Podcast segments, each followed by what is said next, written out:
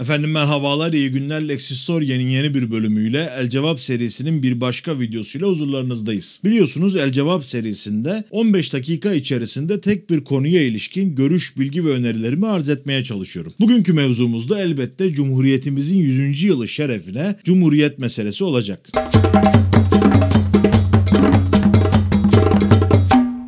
Malum ihsanınız 100. yılı doldurdu Cumhuriyetimiz. Nice böyle yüzyıllara erişmesini temenni ederek başlayalım söze. Bütün dünyada böyle yıl dönümleri, özellikle asır dönümleri kutlanır. Yani bu uluslararası bir fenomendir. Mesela 1889'da Fransız ihtilalinin 100. yılı şenlikleri tarihe geçecek bir vakıa haline gelmiştir. Aslında Fransızlar 1790'dan itibaren başta la Fédération daha sonra Fête de la Révolution isimleriyle bugünü kutluyorlar. Bastille hapishanesinin basıldığı 14 Temmuz'u Fransız ihtilalinin yıl dönümü haline getirmişlerdir. Zaman zaman bu kutlamalarda kesintiler oluyor. Mesela imparatorluk devrinde veyahut kısa bir dönem hanedanın geri döndüğü bir dilim vardır. O dilim içerisinde bu bayramlar askıya alınıyor. Ancak 1889'a gelindiğinde muazzam etkinlikler tertip edilmiş. O günkü kayıtlara göre Fransa'ya 25 milyon turist gelmiş sadece bu etkinlikleri seyredebilmek adına.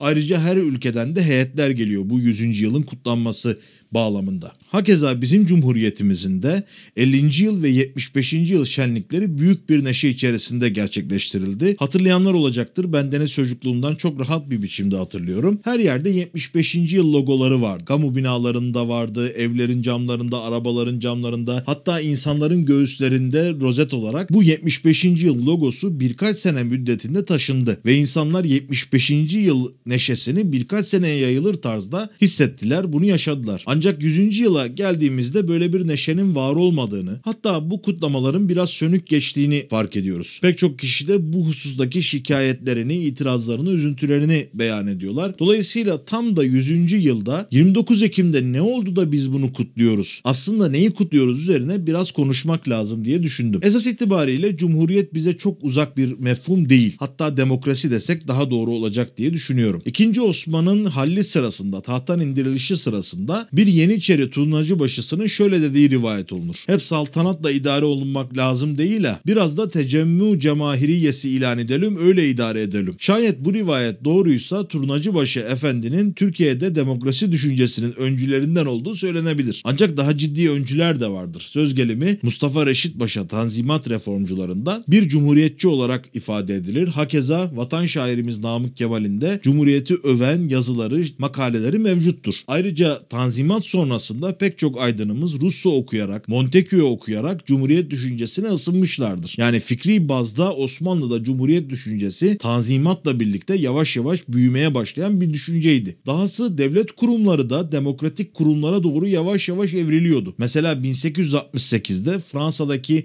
Konsil d'Etat'ın çok benzeri olan Şurayı Devlet oluşturulmuştu. Bu Divan-ı Hümayun gibi sadece bir meşveret yani dayanışma meclisi değildi. Ayrıca başka yetkileri de vardı. Dolayısıyla bunu demokrasi yolunda atılmış bir adım olarak ifade etmek lazım. Başka bir videoda inceleyeceğimiz kanuni esası ile birlikte bir meclisimiz de olmuştu. Meclisi Mebusan. Her ne kadar bu meclis Abdülhamit tarafından çok kısa bir süre sonra kapatıldıysa da ikinci meşrutiyet devrinde çok faal bir biçimde geri döndü. Dahası seçimler yapıldı, mahalli seçimler gerçekleştirildi. Kör topalda olsa bir demokrasi tecrübesi yaşandı Osmanlı'nın son devrinde. Nitekim 23 Nisan 1921'de açılışı ilan edilen Büyük Millet Meclisi de bu mirasın bir parçası olarak ortaya çıkmıştı. Tüm bunlarla birlikte Kasım 1922'de biliyorsunuz saltanat ilga edildi ve padişah yurt dışına gönderildi. Dolayısıyla artık bir cumhuriyetin veya demokrasinin bütün şartları oluşmuş durumdaydı Türkiye ölçeğinde. Peki 29 Ekim'de ne oldu? Asıl soru da budur. Her şeyin başında Lozan görüşmeleri esnasında İsmet Paşa'nın şu soruyla çok sık karşılaştığı söylenir. Devlet başkanınız kimdir? Yani bir meclis var, bir meclis hükümeti var ancak devletin başının kim olduğu henüz çözülebilmiş bir sorun değil. Herkes meclis başkanını işaret ediyor ancak bir yandan da bir halife var. Son halife Abdülmecit ve halifelerin asırlardır taşıdığı yetkilerden bir tanesi de siyasi yetki biliyorsunuz. Hatta belki de en önemlisi. Dolayısıyla devletin başkanı meclisin başı mıdır yoksa halife midir konusunda bir soru işareti her daim mevcut. İbre her an başka bir yöne doğru dönebilir. Atatürk'ün zihninde de oldum olası bir cumhuriyet düşüncesi mevcut. Selanikli arkadaşlarının hatıralarına kanununa baktığınız zaman daha o günlerde Cumhuriyet'ten bahsettiğini görüyoruz. Böyle devrimci düşüncelere sahip olduğunu biliyoruz. Daha da ciddi bir bahsediş biçimi olarak 1919'da Erzurum'da Mazhar Müfit Kansu kendisiyle bir görüşme yapıyor. Bu görüşme sırasında ısrarlı bir biçimde şunu soruyor. Paşam bir kıyama kalktınız, bir milli mücadele başlattınız. Bu mücadelede muvaffak olursanız önceki şekli hükümetin, idare şeklinin sürmeyeceği açıktır. Yani bu artık sürdürülemiyor, götürülemiyor. Peki neyi planlıyorsunuz, ne yapmak istiyorsunuz diye ısrarlı bir biçimde soruyor. Paşa da başta mırın kırın etse de en sonunda baklayı ağzından çıkartıyor. Elbette şekli hükümet ve şekli idare cumhuriyet olacaktır deyiveriyor. Bunu da yine 1919 senesinde Mazhar Müfit Bey o günlerde dostu olan Mahmud Esat Bey'e bir mektupla müjdeliyor. Paşa ile konuştum cumhuriyet taraftarı olduğunu söyledi müjdeler olsun gibilerinden haber gönderiyor. Dolayısıyla zihninin bir köşesinde Gazi'nin her zaman bir cumhuriyet idaresine dönüş projesi var. Ancak bu projeyi gerçekleştirmek için uygun bir ortamı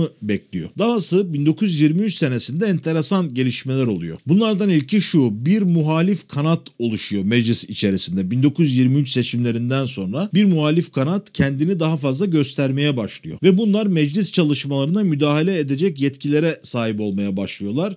Ve ilginç bir şekilde daha önceleri hep Gazi'nin namzetleri seçilirken bakanlığa bugünkü tabirle bakanlık diyoruz ama o dönemde icra vekilleri heyetinin içerisine hep Gazi'nin namzetleri seçilirken iki kişi Rauf Bey ile Sabit Bey muhalif kanatın temsilcisi olarak seçiliyorlar. Ve hükümet faaliyet gösterirken sürekli meclisin eleştirilerine tabi oluyor.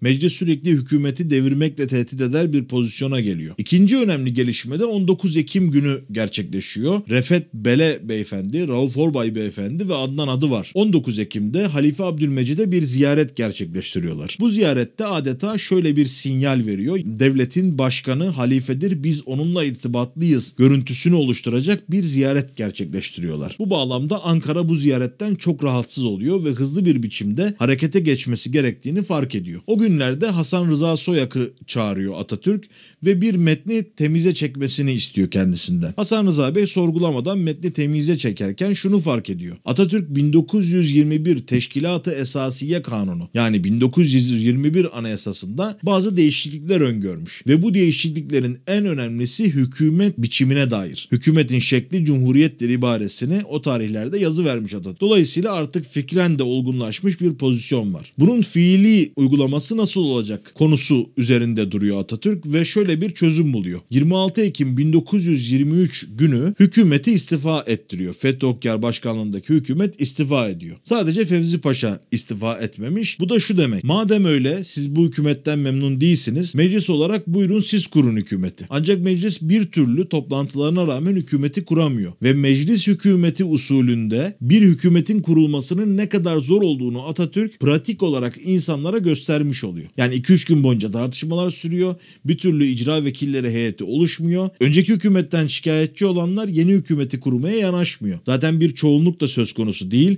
Gazi'nin taraftarı olanlar daha fazla ve kalabalık bir kitle. Dolayısıyla mecliste mesele ortada kalıyor. Bunun üzerine Atatürk 28 Ekim günü arkadaşlarını topluyor. Masada şu isimler var. İsmet Paşa, Kazım Özalp, Fethi Okyar, Ruşen Eşref Ünaydın, Fuat Bulca, Kemalettin Sami ve Halit Karaaslan. Ayrıca da bazı bakan ve milletvekillerini de çağırmış Çankaya'daki evine ve Masar Müfit'e dönerek şunu söylemiş. Erzurum'dan beri ağzından çıkarmadığın cumhuriyetin işte zamanı geldi. Yarın istediğin kadar cumhuriyet diye alenen bahsedebilirsin. Hemen hatırlayalım 1919'da Erzurum'da Mazhar Müfit'le görüşmüşlerdi ve ağzından baklayı çıkarmıştı Atatürk. 4 sene beklenen ve içeride tutulan bu düşünce 1923'ün 28 Ekim akşamı alenen ilan edilmiş oluyor. 28 akşamı o meşhur efendiler yarın cumhuriyeti ilan edeceğiz sözü söylenmiş oluyor. 29 Ekim'de meclisin karşısına 1921 Teşkilat-ı Esasisi'ndeki bazı hususların değiştirilmesine ilişkin bir kanun teklifi geliyor ve bu kanun teklifinde açık bir biçimde yönetim şeklinin cumhuriyet olacağı ifade ediliyor. Bu değişikliğin görüşmeleri sırasında Eyüp Sabri Efendi şöyle söylüyor. Arkadaşlar bizim hükümetimiz bugün cumhuriyet olmuyor. Teşekkül ettiği günlerden beri cumhuriyet olmuştur. Binaenaleyh bu kanun bizim esasen sureti meşrua ve makulede teşekkül eden ve zaten mevcut olan hükümetimize bir ilmi kisve giydiriyor. O da cumhuriyet kelimesidir. Bu kanunun müstacelen kabul buyurulmasını yani acele bir biçimde kabul buyurulmasını ve kabulünü müteakip reisi Cumhur intihabını ve bunun yanında da 101 pare top atılmasını teklif ediyorum diyor. Hakikaten de Eyüp Sabri Efendi'nin teklifi kabul ediliyor ve hızlı bir biçimde de değişikliği gerçekleşiyor. Önceki hallerine bakalım anayasa maddelerinin. Madde 1. Hakimiyet bila kaydu şart milletindir. İdare usulü halkın mukadderatını bizzat ve bil fiil idare etmesi esasına müstenittir. Değişiklik de neye dönüşüyor? Hakimiyet bila kaydu şart milletindir. İdare usulü halkın mukadderatını bizzat ve bil fiil idare etmesine müstenittir. Türkiye Devleti'nin şekli hükümeti cumhuriyettir. İşte cumhuriyetin ilanı dediğimiz hadise kanundaki bu değişiklikle mümkün olmuştur. Bu neyi getiriyor anayasal düzene? Vekiller heyetinin doğrudan meclis başkanı tarafından tesis edilebilmesine, ayrıca meclisin hükümet kurmasına bir alan açılmamasına sebebiyet veriyor. Dolayısıyla yürütmeyi güçlendiren bir unsur bu anayasadaki değişiklik ve böylece Cumhuriyet idaresi ilan olunmuş oluyor. Tabii bu biraz belki de o dönemin şartları içerisinde hızlı bir süreçtir. Yani bir gün içerisinde Cumhuriyet'in ilanı süreci gerçekleştirilmiştir. Hatta Kazım Paşa'nın bundan haberdar olmadığı, 101 pare top atışıyla bazı vekillerin, bazı paşaların uykularından uyandıkları, Cumhuriyet'in ilanını böyle öğrendikleri söylenir. Atatürk buna cevaben şöyle söylüyor. Arkadaşlarımı tek tek bir araya getirmek ihtiyacı hissetmedim.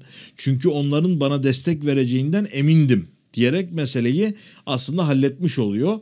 Böylece gerek o muhalefet şerhi koyan ekip gerekse devlet başkanını halife olarak görmeye meyilli olan ekip ekarte edilmiş oluyor. Hakikaten de bunun mümkün mertebe hızlı bir şekilde kotarıldığı ve bu sayede Cumhuriyet'in ayaklarını daha sağlam bir biçimde yere bastığı muhakkaktır. 26 Ekim 1924 tarihinde bugünün 101 pare top atışıyla yad edilmesine karar veriliyor. Bunun üzerine de 29 Ekim ilk defa 1924 senesinde bir resmi kutlamaya kavuşmuş oluyor. 1925 senesine geldiğimizde 2 Şubat'ta hariciye vekaleti bu vekalet tabiri de önemlidir. Parantez içinde söyleyeyim.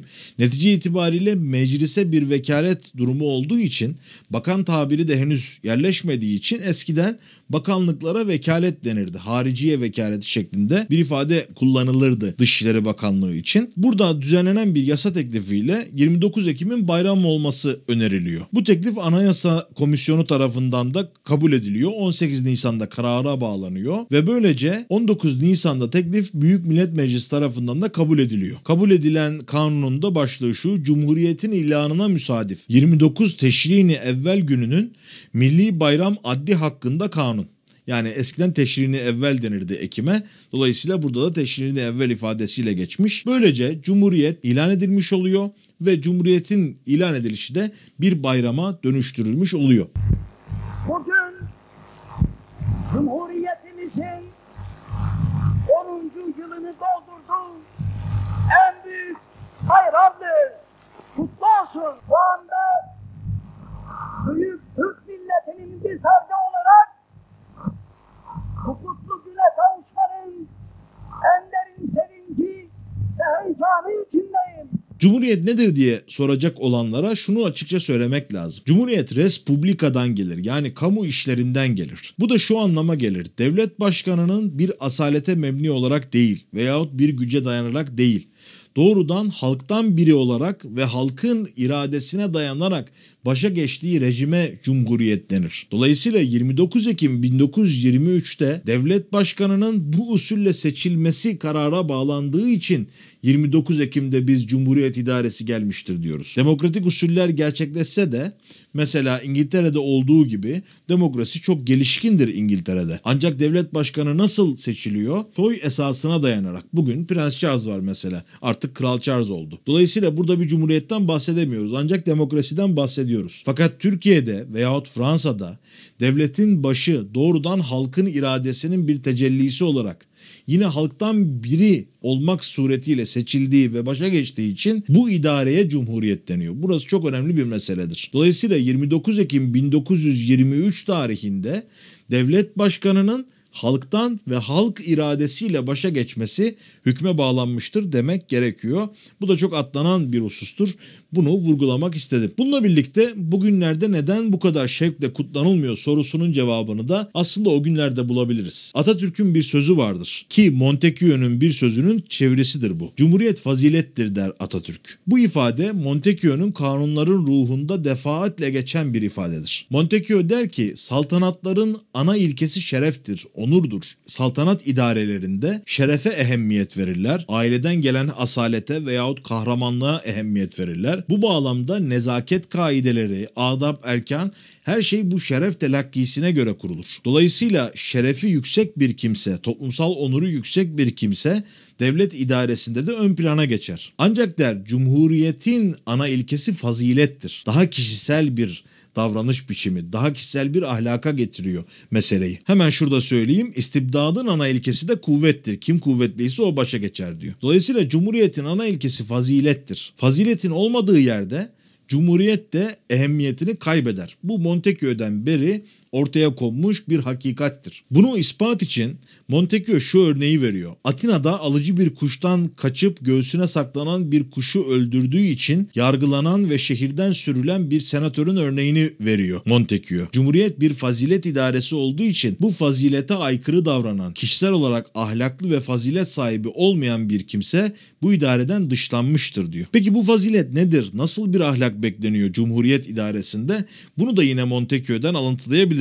Der ki kanun sevgisi ve vatan sevgisi Cumhuriyete özeldir. Çünkü sadece demokrasilerde hükümet bir zümreye değil her vatandaşa emanet edilir. Genel menfaati kişinin kendi menfaatine devamlı olarak tercih etmesini gerektirdiğinden ona bütün özel faziletleri verir. Bunun için kanunu ve vatanını savunmak için silaha sarılır, askerlik eder. Vatan sevgisi kişiyi iyi ahlaka, doğru iyi ahlak ise vatan sevgisine doğru yöneltir. Özel tutkularımızı gidermek imkanlarımız ne kadar az olursa kendimizi o derece genel tutkulara veririz. Bunun içindir ki iyi demokrasiler kişiyle ailelerin azla yetinme kuralını kurmak suretiyle Roma ile Atina'da olduğu gibi genel giderlere yol açmıştır. Her şeyin başında kanaat etmek, azla yetinmesini bilmek ve kendi arzularımızdan ziyade kamunun yani respublika diyoruz ya işte kamu işlerinin ehemmiyetini düşünmek, kamunun menfaatlerini öncelemektir Cumhuriyet'in birinci fazileti. İkinci fazileti çalışma sevgisidir. Yine burada Montesquieu